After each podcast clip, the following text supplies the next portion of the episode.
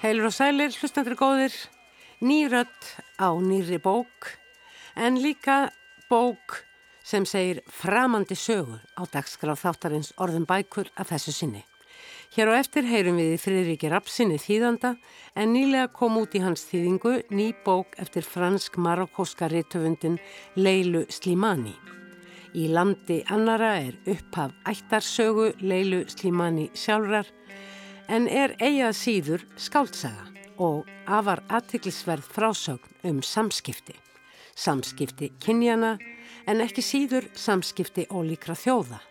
Stóra saganum nýlendur sem litar jú ennþann dag í dag öll samskipti okkar, hvort heldur sem þjóðar heldar eða sem einstaklinga.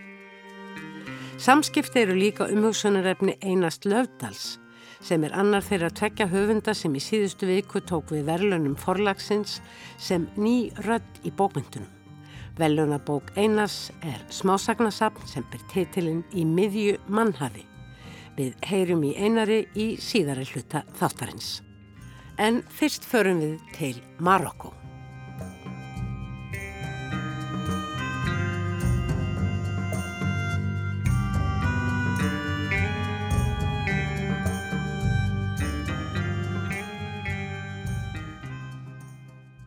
Ekki alls fyrir löngu kom út hjá Máli og menningu ný skáldsaga eftir franska reytufundin Leilu Slimani í landi annara í þýðingu Fredriks Rapssonar en fyrir fjórum árum kom spennusagan Barnagæla eftir sama höfund einnig í þýðingu Fredriks út en Fredrik er jú okkar mikilvirkasti þýðandi úr franskum.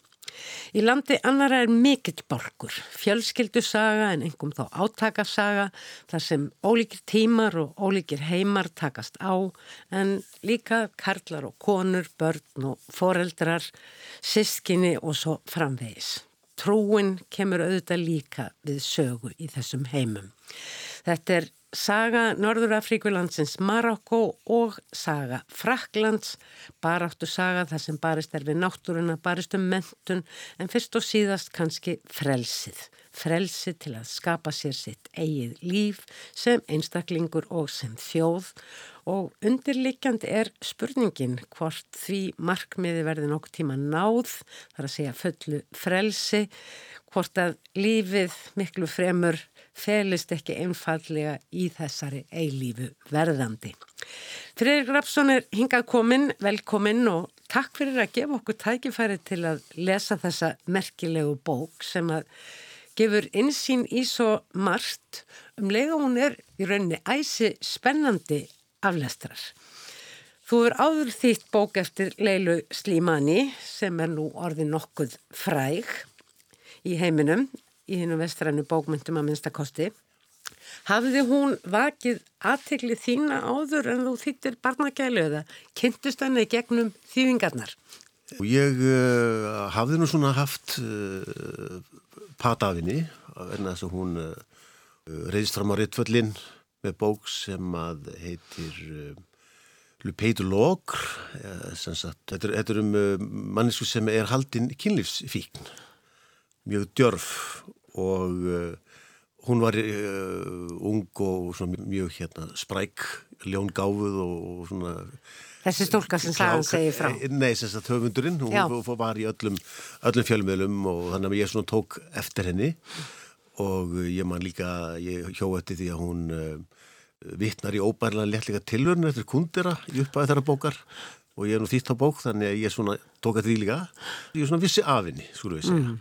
uh, Já, áhugavert. Einan mjög marga höfunda ekki sett 600-700 skaldsjóður út í Fraklanda hverja ári þannig að og síðan uh, hafði forlæði samband við mig uh, eftir hún hafi fengið Gongur-velunin sem eru svona langt stærstu bókmöndavelunin í Fraklandi Einmitt fyrir þessa bók Barnagælu Já, fyrir Barnagælu og uh, ég sló til. Og síðan hefur hún gefið út ymsar rítgerðir, hugleiðingar bókum Simon Vey sem er svona hvern réttenda Bart og koni af Fraklandi hún hefur gefið út bók um kynlíf sem tabú eða, eða umræðum kynlíf í Marokko og svo framist, þannig að hún svona er ekki mjög djörf og mikið bara sem mannréttindi og hvernréttindi. Síðan uh, kemur þessu út og, og, og sumulegis að þá er ég beðin því það hana og tekði fagnandi og þetta er sko þriðja skaldsa hannar, hvar fyrstu þar gerast á uh, í svona þröngur ími má segja, í París í sögursviðið já, sögursviðið, þröng tímarammin er þröngun, mm. þröngur og það er mjög snarpar snarpur beittu stíl og gríðarlega svona, já, agað og stundum kallt hamrað en líka fer hún á flug, hann er svakana flottur penni. Uh, síðan kemur þessi og hún er uh, allt öðruvísi, þetta, þetta er svona breið ættasaga, gerist í, á tíu árum frá skömmeti stríð frá 47 til 56 þegar, þegar að Marokko fær sjálfstæði og eins og þú sagðir, mitt gerist eiginlega í tveimur heimum, það er mm. þeim franska en mestmægnis í í þeim uh, arabíska í Marokko. Hún er mjög feikil áhugaverður höfundur og svo er hún líka sagt, gallhardur feministi og, og réttinda baráttu kona mikil. Þannig að hún er mjög áberðand í fransku þjóðlífi en, en ger það vel. Mér finnst hún samt, hún leggur sig fram um að skilja það, báðar þessar heldir ég vil ekki segja öðgar, en þessa ólíku heima, hinn kvenlega heim og hinn karlega heim. Já, já, já. Og hún hefur einmitt eiginlega margra heima sín, eins og kemur vel fram í þessari bók. Hún er alin upp til átunar aldurs, ef maður rétt, gekk í mentaskóla í Marokko. Hún er að frekar svona velstæðu fólki, mammenar uh, var uh, læknir, fyrst í kvenlæknirinn í Marokko sem er nú bara ákveðið afreg í svona frekar svona kall-lægu samfélagið eins, eins og, og Araba heimurinn er með fullri mm. viðringu fyrir þeirri menningu að sjálfsögðu og pappennar var banka, eh, hátsettu bankamaður sem að hérna lendi síðan í vandarum setna það er, það er að Já, þetta er náttúrulega saga hennar eigin ættar þótt að þetta sé skálsaga vissulega. Líkt og amma höfundarins, Leilu Slimani, er frá Elsas og flist ung með marokkoskum eigimanni sínum til Marokko og uh, það kemur mann ekkert á óvart að uh, dóttir þessarar Elsas konu, eins og hún er hendar líka stundum köll beinlýnis í sögunni, gulli verða læknir því að uh, amman hafði jú lendi í því að segja má að, að líkna og lækna og hjúgra þarna á þessu afskekta bíli þar sem þau setja stað ungu hjónin. Og hún laði sér fram að kenna dóttur sinni sem er jú móðir leilu. Ímislegt í sambandi við mannslíkamann og, og svo leiðis það var verið að státa dýrun til dæmis. Já, já, hún er sko, ammennar er þarna nokkuð sko hefur ekki sagt grasakona, þess að svona auðvitað ekki lærið en hún fekk einhver síður greinlega hún fekk tilsökt hjá hvern sjúkdómalækni frá Ungverðarlandi frá Ungverðarlandi sem er býr í Fraklandi og er góðu vinur þeirra, fjölskyldunar hann býr í Marokko já, hann býr í, í Marokko segi ég og, og, og hann lánar eh, sérst, henni bækur um anatómi og mm. hún er svona sjálfmentuð ef það er að segja. Þetta er sko fyrsta bindi af þremur sem eru áalluð og það kemur vantala fram í uh, síðar nákvæmlega hvernig súsaga er. Það sem hins vegar, mér fannst svo merkilegt við þessa bók er, það er í rauninni alveitur sögumæður, sagði sögði í þriðju personu, æfinlega, það fá ótrúlega margar personur að stíga fram sem einhvers konar frásagnar miðja á ólíkum stöðum í bókinni. Ég man ekki eftir því að hafa séð uh, þessum frásagnarhætti haldið svona fram? Já, kannski Garðja Marques hefði gert eitthvað þessum dúr. Þetta er það svona í hug, já, sko. Það er einsend, kannski. Það er náttúrulega mjög rík sagnahefð í uh, Arabaheiminum mm. og svo nöðta mentuð í franskum uh, mentaskóla og háskóla sinna. Mm. Þannig að hún býr náttúrulega að þessum frásagnar hefðum. Hún þakkar ymsum aðlum í lókbókarinnar sem hún hefur vantar að sótt til sem já, að já. möna tíman sem hún hefur skrifum. Mm. Þannig að hún hefur vantar að ná þarna í talsett af munlegum uh, heimildum og minningum. Já og, og eins bara, bara yfir sín, yfir sagfræðina. Þetta er já, jú allt... Uh, Atbyrði sem hann var gerst já, já. sagan hefst í rauninni í lókheimstireldarinnar síðari og uh, það hvernig uh, sagt, líf þjóða eins og frakka og marokkomannar fléttast saman í uh, vörnum gegn nazismannum. Já, þetta voru náttúrulega fransk nýlenda þessum tíma og þeir, þeir, þeir eru með sagt, sko, nýlendu herrdildir og Amin sagt, sko, akkurat þarna önnur aðal personan, eða sem að segja, er einmitt í, með sinni herddild í allsast þegar þau, þau kynnast og mm. hún kólfelli verið þessum fjallmyndarlega eh, marokkoska eh, manni. Mm. það er bara eldheit ást það eru miklar ástriður og það já, er í rauninni sko það sem heldur þeim saman. Já, já. því þetta er náttúrulega ekkert sældar líf. Nei, nei, þetta þau eru náttúrulega mæta sjálfsögðu sko, þessi bók er mikið um, um fordóma. Þess að auðvitað mæta þau eh, fransk-marokkost par mætir fordómum bæði í Fraklandi og svo í Marokko mm. af halvu nýlendu uh, herrana og, og, og líka heimafóksins. Þannig að þau eru raunulega aldrei Þau eru alltaf fyrir utan. Já, þau, þau eru alltaf, alltaf á jæðri. Já, það er það sem að, það sem að hérna, og það er líka það, það sem að þetta gefur uh, bókinu þessa svona uh, mögnuðu sko, spenna fælst meðan hans í þessu þess að sko og, og, og breytin og diffkin byggjast á því að hef, þau, þau hafa þarna einsinn inn í tvo heima sem að skarast stundum slæð saman og, og reyndar heftarlega sjálfstæðisbaratan var náttúrulega mjög blóðug og heftuðu fyrir þá sem þetta Já, og það kemur mjög glögt í ljós já, já. og á afskaplega mismunandi forsendum sem að ungt fólk, aðalega náttúrulega ungir kallmenn, flikkjast undir fána sjálfstæði sinna Og, og það er það nákvæðinni karakterinn mitt eh, sérstaklega uh, bróðurinnar sem gengur í mitt í lið með uh, uppreysnar uh, mönnum. Bróður Amins. Já, bróður Amins, já, og hérna og þar er, er, er þetta týpur sem maður getur séð bara líka í einsum áta, átaka skjærlega samtökum út um, út um, út um allan heim, mm. Somalíu og, og Mali til dæmis núna, þetta eru svona rótlausir ungir menn sem að, sem að mm, eru auðveld bráð mm. afgasinnara uh, sérstaklega trúar ástækismanna en hún er með mjög breytt, breytt galli.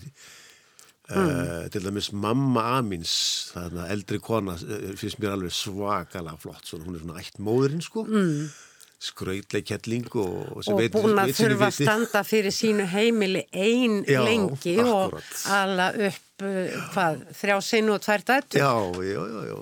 Og minn er að því leiti kannski á uh, ömmur okkar eða, eða, eða formæður ekki satt mm. sem voru oft mistu mannin sín í sjóin eða hvernig sé það var nú. Og, og þetta heldur bara heimilu gangandi á, á nefonum sko. Mm auðvitað er þetta allt annað umhverfi og þetta er öðruvísi menning og allt það en samt fannst mér mjög margir svona þræðir í þessu líf, þessi harða lífsbaróta uh, í eitthvað sem okkur finnst kannski vera góðsend land sem, sem Marokko er á mörgu leiti mm. en, en það er sama fátaktinn og lífsbarótan er jafn hörð uh, mm. á þessum tíma þar eins og bara hjá þeir sem voru að brjóta tún undir vélar Já, þannig að það eru ótrúlega þótt að sé langt í burtu fyrir marga að það eru mjög margi samanleir snertifilitir mm. Mér fannst mjög áhugavert að, að fást við það. En ég hygg sko að munurinn komið kannski ekki síst fram í, í þessari bók í bara beinleginis frásagnarhættinum. Mm -hmm. Hann er hraður Það er mikið stokkið fram og tilbaka og milli staða og persóna, maður, það stundum aðeins, byttunum við hvað eru við núna mm. og heima hjá hvaða eh, fjölskyldu og svo framvegis. Það er einhver hiti og einhver svona lit og, og lyktar auður sem að þarna er eitthvað mjög kvikt. Já, já. Það er ekki þessi þungi frásagnaniðu sem að við þekkjum kannski úr frá Jóni Trösta eða, eða úr svona íslenskum stórum mm -hmm. svona ættarsögum. Þarna er þetta miklu kvikara. Já, já. Þetta er ekki saga borgarættarinnar sko, þetta er aldrei annars eðlis. Ég lesi ykkur um viðtunum við hana að hún, uh, hún er mitt sko við að sér alveg, alveg uh, feiknalega miklu efni, þetta er fló, flókin saga bæði saga hennar og svo mm. þarf náttúrulega að draga fram vel söguna umhverfið þótt að sé alls ekki söguleg skaldsaga í þeirri merkjum. Þetta er frekar ættar skaldsaga, það er kannski þar sem að passa best. Og en, þetta eru sögurnar þar sem að eitthvað gerist. Við fáum frásagnir af personum sem að lendi í ymsu, svo hverfa þær kannski bara langtímum saman og við fáum lítið að vita hvað gerðist í middeltíðina því að svona skiptir kannski ekki máli fyrir held að frásagna. Já, já, já, já, hún er mjög öguð sem, sem höfundur af þessu leiti, hún heldur vel á öllum þráðum og hérna spinnur á vel áfram. Líka e, e, einmitt eins og sétt það er líktinn og, og einhvern veginn e, byrtan, þetta er umhverju þannig að, að maður lesandina vonandi að, skinja það fara svolítið í ferðarlag í huganum. Engin spurning. Ég var svo heppin reyndar að, að, að ég fór til Marokko í þrjárvíkur fyrir uh, tveimur ára síðan. Mm. og þannig að því ég las hana bókina fyrst þá auðvitað endur upplefði ég uh, heilmikið. Og, og það hafa verið á mörgum þessu stöðum sem hún nefnir og þekkja sko einmitt þess að tvískiptugu borgarna Gamla borgin og nýja borgin Já, það er sko yfirleitt, er, þorpin eru það nýja borgin að það er sérst medínan sem er þá sérst gamla borgin inn, innan borgarmúrana og svo er nýja borgin fyrir utan eða nýjaðan Oft, mm. oftast er það upp, upp á hæð. Þetta er mjög mikilvægt svona uh, í uh, munstur í öllum borgunum og svo líka sko, fransk hús eða evrósk er á útkverfun eins og sé það sem svalitar eru utan á og allt það og við þekkjum hér en þannig er vandamáli yfirleitt hitin að flýja hitan já þannig að það, það eru garðar já, og, og, og svalitar er snúa inn mm. í og síðan er það svona þaksvalir fer að kóluna mm. og þetta er svona sá heimur sem er ótrúlega magnað eins og fara og vera á svona hóteli, ég hef ekki verið heima hjá fólki bylins en og upplifa þennan struktúr með öllum svona ránkölum og, og, og dölúð þetta er, eh, maður er svona, er svolítið þúsundæti nótt og, og kannski er svona smá andusloft uh, þess í þeirra hefðar í þessari bók Við höfum talað alltaf um frásagnamátan og þú myndist á, hún er náttúrulega uh, höfundurinn Laila Slimani hámentuð í fransku. Er franskan hennar að einhverju leiti sérstök eða er hún bara óskup vennileg? Hún er skrifað bara mjög fallett klassíst mál. Hún notar arabísk orð stundum og, og, og hugtök, klæði til dæmis fött, tjalabba er svona kublar og, mm. og svo framvis.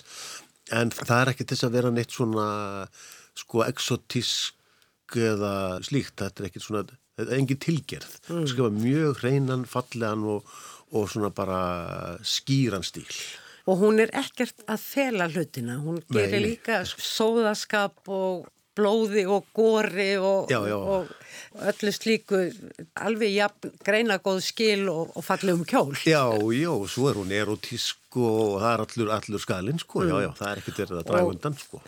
Já, þetta er náttúrulega átök milli kynjana, já, og þetta er átök milli menningar heima og, uh, og hún skrifar einmitt af skilningi um uh, þessa ólíku fleti.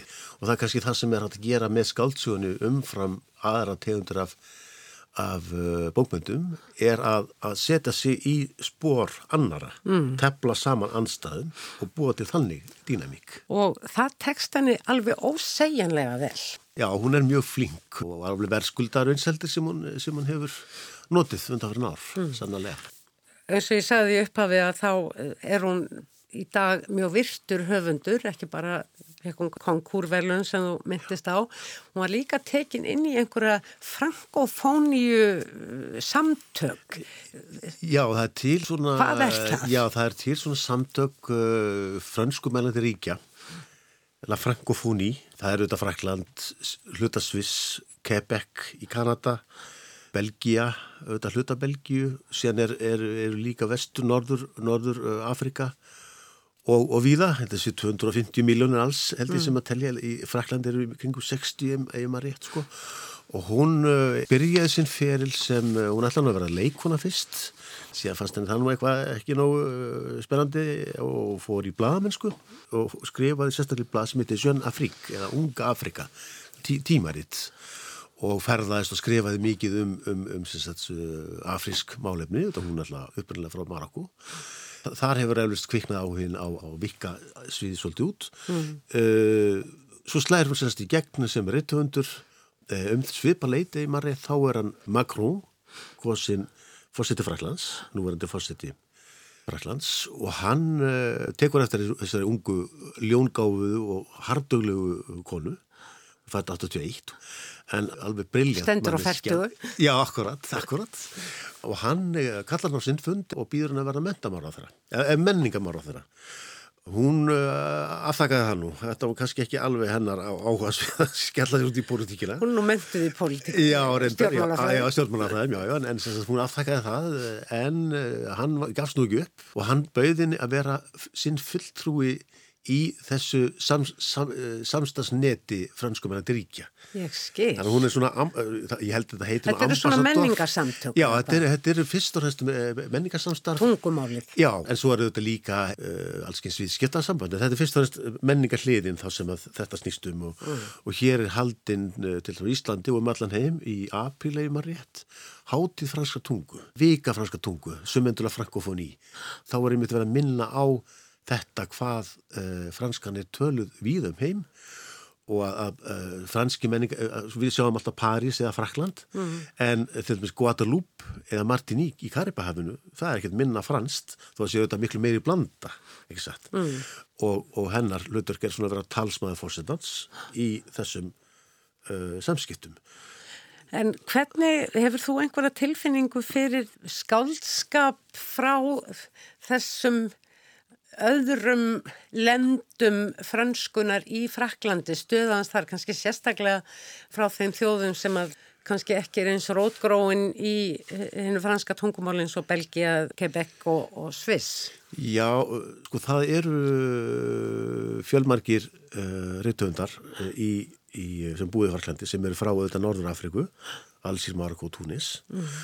Ég hef nú lesið eitthvað um Tarben Zellun til dæmis er miklu uppáhaldi hjá mér og hann er fólkur læri fadur Slimani til dæmis. Mm -hmm.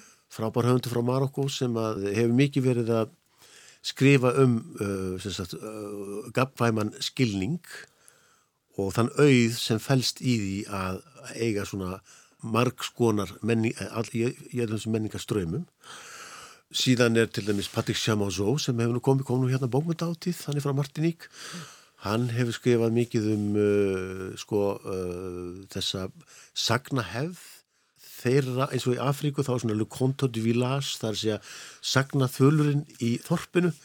Oftast nær einhver öldungur sem að fólk sapnast í kringum. Og, og hann hefur mikið verið að vinna með svona, þessa svona munlegu uh, frásagnahefð mm. á, á prenti. Þannig að, að margir af þessum uh, höfundum uh, hafa sannlega auðgað og vikað uh, franska menningu sérstaklega núna svona í, í setin tíð. Og eru þetta höfundar sem eru þá yfirleitt búsettir í sínum heimalöndum? Það er allavega, sjáum á svo til dæmis, hann er með annan fótinn í Fraklandi, hinn í Martiník. Mm. Uh, það er sátt allur gangur því mjög marg, mörgðir þessara, þessara höfunda sko búa eitthvað tíma í Fræklandi og svo fara á milli, það er bara mjög misjöft. Mm. En frægastu útlaga höfundurinn eða höfundur sem að eh, sko maður tengi mjög stert við Frækland er vantalega Milan Kundera sem að þú þekkir jú mæta vel. Já, já. Skrifar hann á fransku eða skrifar hann alltaf á teknisku? Hann skipti uh, yfir, sko hann skrifaði á teknisku og síðan fór hann yfir sko fransku þýðingarnar, þar er það tveir frumtekstar sem maður segja, aldri bókvarmans 1986 þá skrifaði fyrst beint á fransku en það var ekki skaldsa, það var rítgerðarsam sem heitir List skaldsugunar síðan nokkrum ára setna 1990 skrifaði hann ódóleikan uh, á uh, fransku en það var líka yfir, þess að sko sjá var að lesa þess að yfir af. Það var svona samstarf við þýðenda sem heitir Eva Bloch. Uh, og eftir það skrifa hann, hefur hann skrifað á fransku Já. þannig hann svona eins og Karin Blixen eða, eða Nabokov eða, eða nokkurir. Samuel Beckett, ekki satt, hann skipti úr ennskuður í fransku Já, það var nokkur, til skiptis Já, já, svona nokkur dæmi þar sem að menn hafa, höfundar hafa gert þetta. Mm. þetta er nú ekki mörg held ég. Nei, en uh, er hann ekki bara beinlinnins frægastir í töfundu Fraklands í dag? Milan Kundera? Ég, ég veit ekki um neila mæli stíku sem að sem að mælir það sko Mm. Jú, hann er nú sannlega með, með þekktari höfundu samtímas, já. En hann er ekki mikið fyrir að hafa sig fram í ofnbyrju lífi, en það er, eins og er nýbúið að skrifa æfisögans eitthvað Já, já, þú þess að tvær. Nei, hann uh, stóð á þeim tímapunkti 1984 þegar óbærilegu léttlegi tilhörna kom út að uh, mjög eftir svo, sló algjörlega gegn, eh, ekki bara í Fraklandi heldur út, út, út um allan heim og um, mikið spiði við törl og, og allt þetta. Hann sá fram á það annarkvort yrðan uh, eitthvað skonar fjölmiðla fígúru eða eða hann held áfram að vera reyndöndur já, fólk er þetta missamt. Það hefur ekkert með sko andúð á fjölmiðlum að gera. Þetta er bara að ég bara veit að, að hann er mjög hlédrað maður hann er ekki mannblendin, vinu vina sinna og allt það og, og alveg sérstaklega ljúflingur en, en hann kann illaðis í fjölmenni fjölmiðlum og uh, hann, uh, þetta er bara eitthvað sem að Passaðan ekki mörg dæmi líka gerðir Eliasson til þess að á Íslandi mm. hlédragur, frábær höfundur menn bara velja, svo eru aðrir höfundar sem að handla þetta kortækja bara alveg einstaklega vel, það er mm. eins og Slimani til dæmis, hún, hún hún bara hefur gaman að þessu og nýtur þess að valsar um í fjármiðlunum Pérlu Metr, annars höfundur sé þýtt hann alveg uh, dáir aðtilina og mm. finnst það bara æðislega og tröfla hann ekki neitt Nei. Gundera bara er hann annar karakter eins, eins og gengur og, og hérna hann, hann sagðist bara ég bara varða að velja þetta er alltaf mikil orka, tími og einhvern veginn uh, ángur að þessu uh, ég vil bara lifa mínu lífi í friði og, og skapa mm. En þessi nýja æfisaða, veistu eitthvað um hana? Já, já, ég las hann um daginn, sko, hún er, uh, ég held að sé nú nokkur rétt með farið, það sem ég veit minnst, sko, mm. þannig að það, hún er ekkert illa gerð, sko, mm. en upplegið er aldrei kjánalett, sko, það er að búa til svona döl, dölúð í kringum þetta sé, veist, leitin að höfundinum og, sko, það er ágættis uh, bladamanna aðferð og hún hefur vakið miklu aðtikli og talsið fjallaði manna um sko. Mm.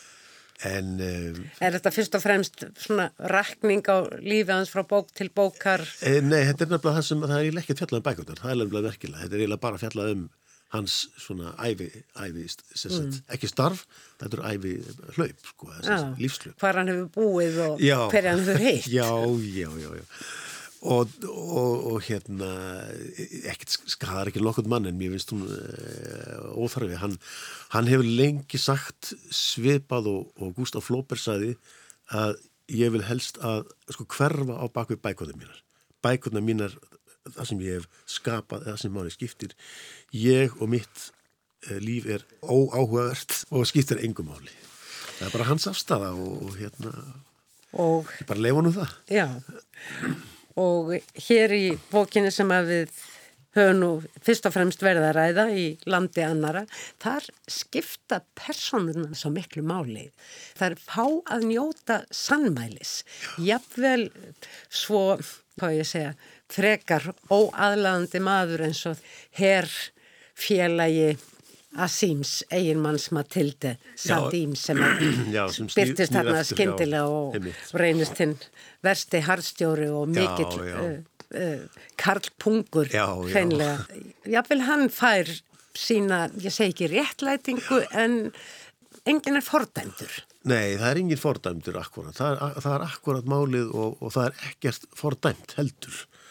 Og þessi, og þessi bók er aðeins og sé, sé eitthvað svona baróttu saga þetta er ekki, ekki af, afstöðu skaldsæði þeirri merkingu að, að þá, þá er nú kannski ef, ef að ef að barist gegn einhverju þá er það einmitt fordómar mm. gaggat fólki, menningu aldri og svo framvegis Já. og hérna þannig að mannskilningurinn er náttúrulega það sem að knýra náfram er... og, og við, við erum öll ágættinu við beinið það er kannski eitthvað svona niðurstað eða flest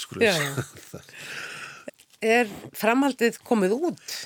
Nei, framhaldið ekki komið út. Uh, hún, hún lemdi nú blessunin skils mér í einhverju reitt stíplu og skrifaði um það ágættabók. það var ekki meiri reitt stíplu en það. Það sem hún henni býðst að fara í eitthvað ægilega fínt sapn í fenum gista þar yfir nótt og svona aðeins að fara í naflaskoðun um, um svona hvað það er að vera höfundur, hvað er það að vera skapað einstaklingur myndlistinn uh, lífsnötninar og svo framvegist lítil óskapla falli bók sem kom út núna fyrir svona alltaf ekki verið bara fyrir svona áspyrjun og svo leiðis mm. þannig að uh, ég vonur hafi nú bara skrifað sér í gegnum skrifa sér til framhaldsins? Já, ég, ég, ég rekna með því. Ég, það er alltaf búið að segja að þetta sé hluta trílógi og ég vona að það standi. Ég fór veitin að vita framhaldi allavega.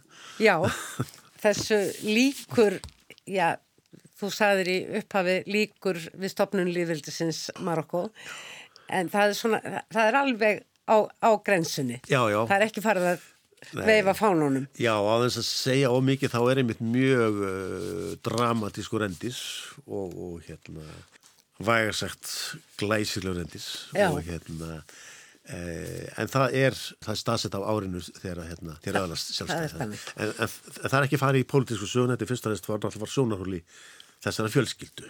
Og, og það er það sem er náttúrulega svo glæsilegt. En við fáum líka einsýn Ómars bróðurinn sem að tekur þátt já, í baráttunni hann fær alveg að vera líka frásagnar því á stöðustaf Já, þar fáum við við þá hlif og þar leðandi kannski ekki heldarmynd en samt nokkuð góða mynd af svona ástandinu og svona andursloftinum sem ríkir á þessum tíma. Var á einhvern nátt erfitt að því þetta?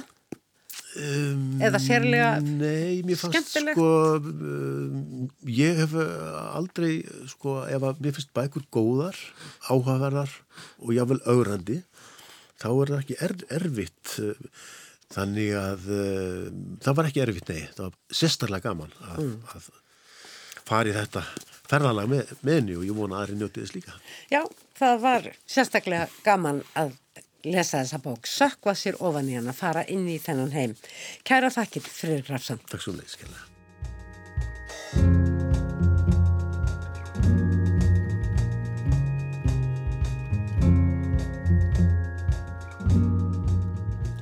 Í þessari viku komu út bækurnar tvær sem að hreftu viðurkenningu forlagsins í handrita samkeppninni Nýjar rattir. Þetta var í fjórðasinn sem þessi viðurkenning er veitt.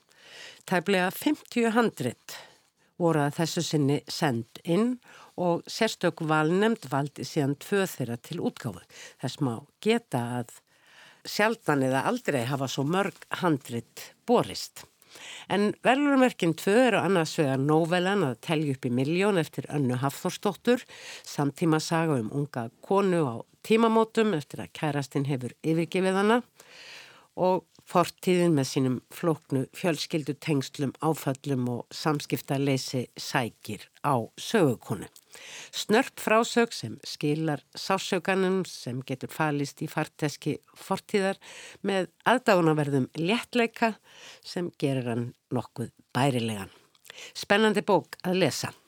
Hinn bókin sem bar sigur úr bítum er smásagnasafnið í miðju mannhafi eftir Einar Löfdal. Svo gerist líka í samtíma okkar, personur sagnanir í flestum tilvíkum ungt fólk, bæði stelpur og strákar. Hér er fjallaðum óeirðina sem enkennir tilvist ungs fólks oft á tíðum sem sömt sér ekki alveg fyrir sér leiðina framundan sem er eiga sér líka fortíð sem óbóðin og óvænt sækir á. Samfélagsmiðlar koma hér við sögu en líka boltin og ástin og börn. Þetta er með öðrum orðum fjölbreytt sapp sem að tekur á ymsum hröfum og mótsögnum í samfélagi okkar og samskipta menningu í dag. Fjölsgrúðuar fjölskyldur koma við sögu þar sem börn verða stundum leiksoppar, samskiptamiðlar, áhyggjur af því hvernig komið er fyrir, barnegna krafan, niðurlegin hvenna í vinnu jamt sem engalífi. Einar Löfdal, höfundur í miðju mannhafi er hingað komin hjartalega til hammingi með þessa bók. Þetta eru skemmtilega sögur, snarpar og mjög uh, einlegar. Þú, þú ferði nokkuð á dýftina. Hvaðan koma þér uh, þessar sögur eða svona að, að vilja krefja einmitt þessi mál til merkjar í skáldskap? Já, kæra þakkir. Það er góð spurning. Ég hef stundu sagt að mér séu svona samskipti fólk svolítið hugleikin Já. almennt, bæði sko hvernig við tölum saman, hvernig við tölum ekki saman og kannski eh, hvernig við tölum um okkur sjálf og þegar ég svona fór að velta því markvist fyrir mér með tilliti til skrifa þá fór ég að fór svona að blasa við að sama hversu gott við höfum það okkur finnst alltaf eitthvað vanda upp á eins og maður er komast og hérna mm. það er þann sem að þessar, þessar personur eru sprotnar bara út frá því að fylgjast með eins og ég segi, samskiptum mínum við fólk og, og hérna samskiptum fólk sem mig og, og, og hvernig við tölum um okkur, mm. satt að segja Já, sagan ber sko miklum áhuga á fólki Já, já, það gleður mig að heyra og þú ert uh, fótbóltamaður Já, ég má segja það. Leiti. Já, svona fyrir fyrstu 15 árin þá snýrist lífið kannski bara svolítið mikið um fótbólta má segja. Svo, Varstu sjálfur að spila? Já, ég var það. Hérna, ég er úr Vesturbænum og spilaði með K.R. en svo, svo fóru skórnir á hilluna svona formlega séð uh, svona upp úr úlungs, eða svona átjónara, eitthvað svo leiðs. Þú hefur áður sendt frá því bók mm. og það er einmitt saga um Áron Einar Gunnarsson fyrirliða kallalandslýsins í Knatsbyrnu. Það passar. Það var óbúslega skemmtilegt verkefni upp á það að gera einhvern veginn að ná að samtvinna þessi hugðarefni, annars er einhvern veginn íþróttáhugan og skrifin og gaf mér ótrúlega mikið bara hvað reynsluna var þar það að setjast niður á hverjum degi og, og raunverulega slá inn stafi í textaskjál og bara hérna hvað hva, e, súlið vinnuna skiptir miklu máli að, að halda dampi og ná upp í svona skrifritma. En það er samt svo litið öðruvísi að skrifa svona með hliðsjón af já, raunverulegu lífi þar sem að uh, hlutirnir skulu hafa yfir sér ákveðna hlutlægni en um leið einlægni og uh, skrifar þetta kannski svo litið svona fingurum fram og veltir fyrir sér hvernig þessum kröfum verði sem best fullnægt og aðdáendum skemmt Já, og haldið við efnið. En hvaðan kemur svo skaldskapurinn? Það er góð spurning. Ég uh, hef svo sem alltaf haft einhverja þörf fyrir að skapa. Hef hérna bæði sko í texta og orðendar tónum líka og Já, þú voru samið einhverja dægulega texta, sagði ég. Já, það passar, einmitt og það er bara uh, nú endur tekið mig en, en ég hef stundum sagt þegar, þegar maður er svona beðin um að svara svona staðlaðri spurningum um áhuga mál sín, þá hef ég oft sagt að bara að hérna að fólk almennt sé eitt á áhuga málunum, ég hef einhvern veginn ábúrslega gaman að ég að fylgjast með fólki hvort sem það er bara á, ég, það er næstu í vandamál hvernig ég fylgjast með fólki þegar ég sitt á kaffihúsum eða eftir uh, strætó eða flugvel eða hvernig sem það er hérna, Skrifar það niður?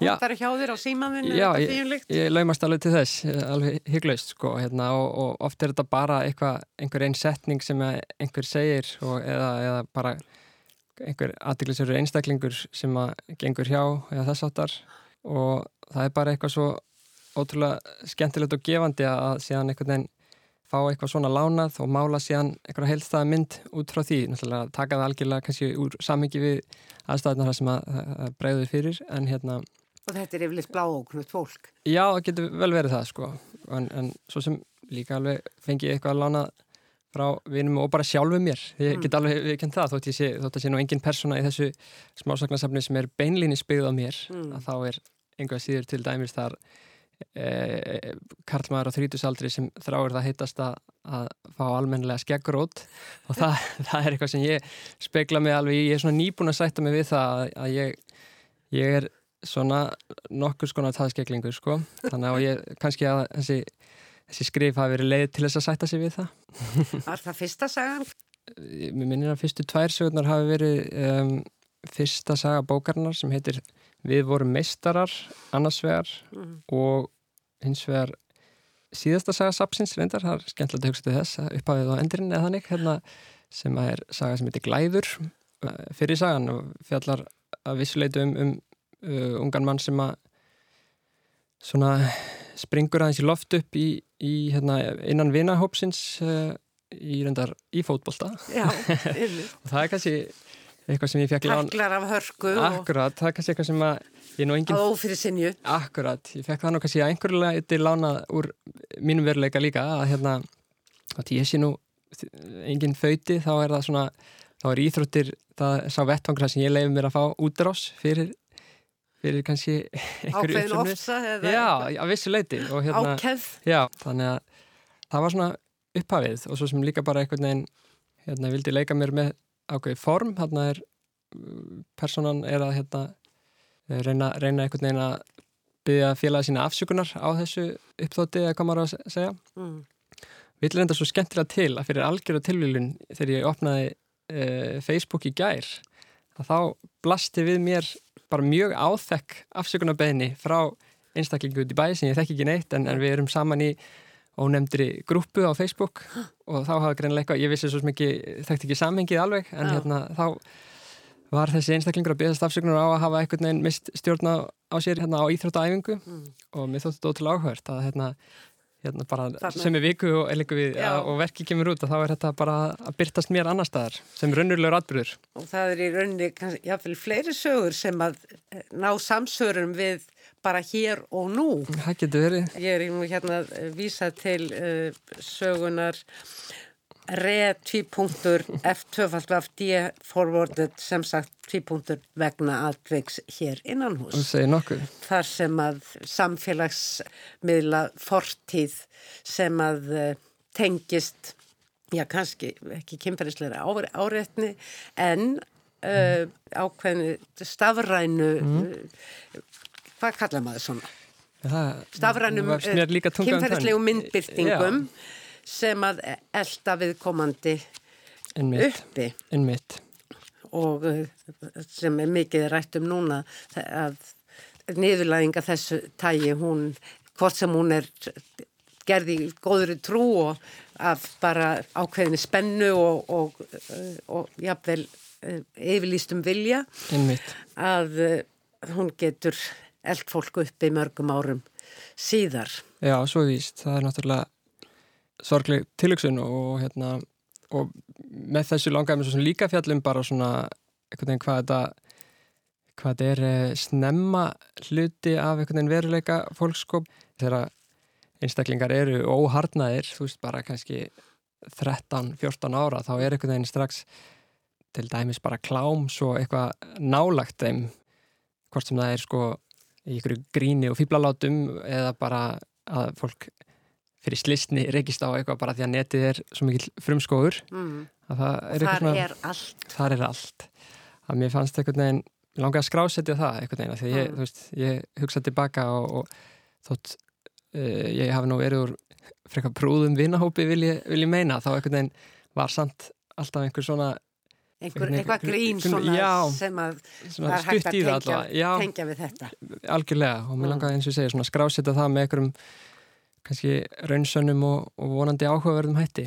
Já, það vekur aðtegli sko að það er yfirleitt ein aðalpersona, einsagan er reyndar fjölrata, mm -hmm. þar fá langmæðgur, sem sagt amma, mamma og dóttir, mm -hmm. hver sína rött við svona svolítið erfiðar aðstæður hjá öllum. Einmitt. Amman hefur orðin fyrir vonbreiðu með dótturina, dótturinni finnst hún að hafa sveikið sína dóttur og, og litla dótturinn er, er eiginlega bara alveg rugglu og langa bara í blöðru. Já, það er akkurat þannig. Það var einhvers myndist á að þetta væri hérna, það var Æsa Rittstjóri, hún hafði orðað því að þetta væri svona saga sem allir væri að gera sitt besta og mér finnst það ágætla orðað, þetta er hérna að einhver leiti bara mynd sem ég langa að draga upp af því svo sem að hérna, það er alveg við erum öll ringluð upp að vissu marki mm. en, veginn, en tilverðin er samt falleg þrátt fyrir það og hérna langaði einhvern veginn að, að þessar blöður myndu takna það með einhverju móti En komum aftur að þessur, þessum fyrstu sögum sem að mm. mynda upphafið og, og endan í fyrstu sögun er barn mm -hmm. þó að sé fullorðin maður sem að segir frá sem að lendir í þessari fötatæklingu og, -hmm. og vil byrjast afsökunar á offorsi sínu og og frekjugangi mm -hmm. að þá á það sér rætur í, í uh, benskuðans mm -hmm. en í síðustu sögunni þar er það eldri maður sem segir frá mm.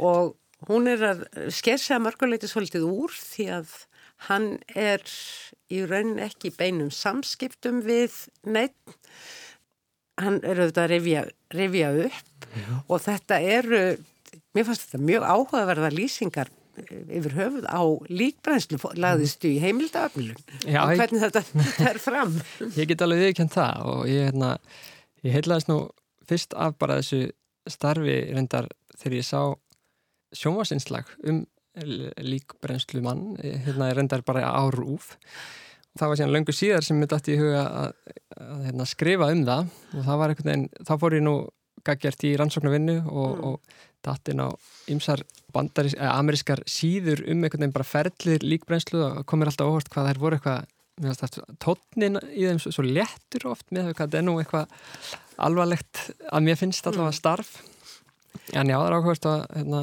bendur á þetta með að hann er svo sem ekki beinum samskiptu neitt en það svo sem langaði með að draga upp þá mynda að hann væri, hann væri einmanna þótt hann væri svo sem ætti alveg aðstandundur, já, einmitt.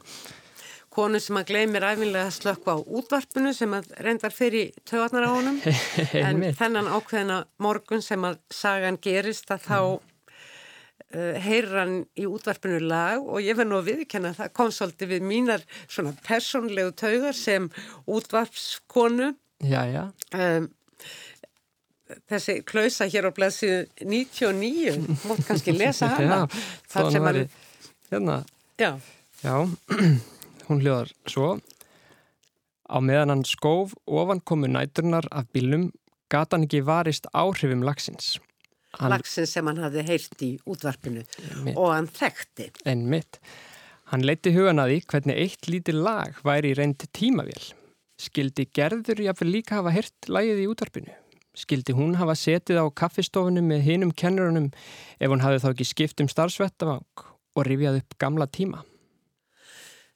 Þarna höfum við í rauninni andstæðina við alla samfélagsmiðla þar sem að hver er í sínu tímahorni líka en á meðan þetta línulega gefur færi á því að við séum öll saman. Einmitt. Þetta er fallegt augnablík sem þú hefur kannski ekkert hugsað út í. Þú, þú ert eiginlega varpaljósi á þetta, satt að segja, en við ekki mjög vantuð um það. Mm. En eins og ég sagði upp að við að þá er þetta, þarna eru bæði konur og kallar í aðarlutverki, strákar og stelpur. Fannst þér munur á að skrifa fyrir munn og huga, hjarta, hvors kynsins fyrir sig? Mm, fyrirfram held ég að mér eh, finnist það og taldi ég afvel að ég kannski ætti ekki erindi að, að, skrifa fyrir hvern personu þess að þetta upphálega en, en svo bara að þetta snýst nú fyrir mitt leiti að ymsuleiti bara um að hlusta á fólki í kringum mig og, og, og það vil svo til að ég er umkringdur af áhugaverðum og skemmtilegum konum að þá hérna, held ég kannski bara óbeint hafi ég uh, sótt í, í þann einhvern veginn brunn og mm. árið komast Fyrstu um, aðstóð, ég meina rættur þetta, myndi kona hugsa svona eða bara trestur það á skálskapin og einsæð? Eh, ekki beina aðstóð allavega, en hérna ætli ég hafi ekki bara prófað að setja þetta á blað og síðan borðið þetta undir meðal annars konum mína og, og svona andast að spyrja beint úti hvort þetta væri samfærið eða þá allavega meðan hún gerði engar sérstakar aðtöðsendur við það, þá, þá taldi ég það vera allavega vissa gæðavottun en, en svo er það svo sem annar að segja til um hvort þetta standist kröfur eða mm. svo leiðis. Titilsagan í miðju mannhafi mm -hmm. er uh, fótboltasaga mm -hmm. en hún er einmitt sögð af konu. Já. Konu sem að hefur aldrei í lífinu látið sér til hugar koma að Uh, hún veit ekki eins og hvað fótballtaleikur er langur. Einmitt. Að fara á leik eða gefa þessu einhvern gaum. Og hún hefur nú uh, verið í slagtói við ungan mann sem henni líst skáldmæltur og, og verður ofan dottin þegar hann uh, býður henni að koma með sér á fótballtaleik og hún hefur svona svolítið aðra sín á það sem er að, er að gerast. Það ættu kannski að heyra smá brot úr mm -hmm. þeirri sögu mm -hmm. sem að fjallar ekki bara um fótboltaheldur, líka um það sem að oft eh, er svona undirliggjandi í þessum sögunínum, það er svona fjölbreytileiki fjölskyldna mm -hmm. því að það er ekki nómið það að Þorgir kærastinn hafi komið inn á óvartna því að bjóðan á fótballtaleg þegar þau hittast stendur við hliðans uh, lítill drengur eins og snýttur út, út úr nefn á honum mm sem að hún hefði ekki vitað að væri til. Og hann heitir Ákim Þá hef ég að lestur hér á um miðbyggsögunar í miðjum mannhafi. En mitt Það stitti mér líka stundir að fylgjast með fólkinu í stúkunni. Það var eitthvað fyndið við að sjá líkamleg viðbröð frá hundruð manna við atviki sem fjakk hjarta mitt ekki einu sinni til að slá hraðar. Annar hver maður yðaði í sæti sínu sem myndaði þó merkilega fallega sín, öldugang í mannhafinu. Og þar voru fáir eins ókyrir og þorgir. Ég reynda starf ekki of mikið á hann en sá út undan mér að hann var eins og barn með njálk muldraði með sjálfin sér þegar eitthvað fór forgörðum hjá hans mönnum og stóði yfirleitt á fætur þegar þeir virtust nálgast markkáringa líkt og hann vildi vera undan öllum öðrum að fagna ef allt skildi gangað óskum. Eitt skiptið virtist hann trúaði í örfár sekundur að valsarar hefðu skorað mark. Hann stökk upp og reif áka á fætur í hamaganginum en fórnaði svo höndum þegar hann áttaði sig. Boltinn hafði vissulega þanið marknetið en bara raungum megin við stöngina og það fegst vist ekkert steg fyrir það. En það var yfirgengilega sætt að fylgjast með þeim feðgum, ganga í gegnum tilfinningarúsíbana með samstilt hjörtu og hlæja svo saman yfir miskilningnum. Kanski eitt af fallegasta sem ég hafi séð. En þetta er eins og ég segi í, úr miðri sögu og uh, það er eftir að verða umskipti í leiknum því það, það endar allt með jafntefni. Og reyndar er það svo að káringar skora í lokin og það er það sem hann er að hérna æsa sig yfir. Ok, Já. ég hef ekki skilið þetta. Nei, það er, það er í finlega. Einsýn í, í boltan. Allt í besta. Um, en það stefnir allt í jafntefni og þess vegna er allir svo taugatrektir. Þanga til allt í henni eru það vondukallarnir í káer sem, sem að skora mark og þá færist fyrir legana í stúkunni. Nokkrir valsarna voru staðnir upp á vellinum og aftur hópuðst þeirra vesalings línuverðinum og letu fúkirðunum rigna yfir hann. Ég dróð þá álíktun að orð Þorgers var í sömulegis ætluð honum. Þá var mér litið á ága sem sati í hnebri eins og hann vildi fela sig. Mér fannst hann titra. Fadir hans, hins vegar, vildi bersinlega sjást því hann stökk upp á sæti sitt og sett í annan gýr. Hvernig væri að vera ekki svona mikil rotta, öskraðan enn. Fokking aðtikli sjúkur þessi línuvörður, Jésús maður, saumaðu á því fokkings pung. Ég vissi ekki hvort ég ætti að ærast úr hlátri eða öskur gráta, en í miðri geðsræringunni tók ég í hönd áka og dróðan svo upp í sætið til mín. Þarna satt ég með dreng í fanginu sem ég þekkti varla neitt, meðan pappans hafði hamskipti fyrir allra augum. Strákurinn var alveg steinrunnin þegar ég þrýst honum að mér. Annað eirað láð þjætt upp í brjóstinn, en ég lagði hönd yfir hitt til hann þyrtti ekki að hlusta á óhljóðin, til að vernda hann gegn fyrringunni sem umlugt okkur. Og er það ekki kannski umfjöldunar efnisvöldi þessarar bókar, hvernig við tökumst á við fyrringuna sem umlíkur okkur? Hefur ekki að segja það. það... Er það ekki ágetist loka orð? Það finnst mér. Ég óskæði innlega til hamingi með þessa bók og vil hér með bara hvetja það áfram, heldur það áfram? Kæra þakkir, já, það er svo kannski það sem ég tek helst út úr þessari samkeppni og viðkenningunni sem að ég hlaut uh, þar er að bara þetta er svo ótrúlega mikil kvartning til þess að halda áfram og það er það sem eitthvað sem ég ætla að til að nýta þann byr. Sagiði Einar Laudal ný rödd í íslenskum bókmöntum með smásagnasafninu í miðju mannhafi. Fleiri verða orðum bækur ekki að þessu sinni. Tæknimaður var Úlfildur Eistensdóttir. Takk fyrir að hlusta. Verði sæl.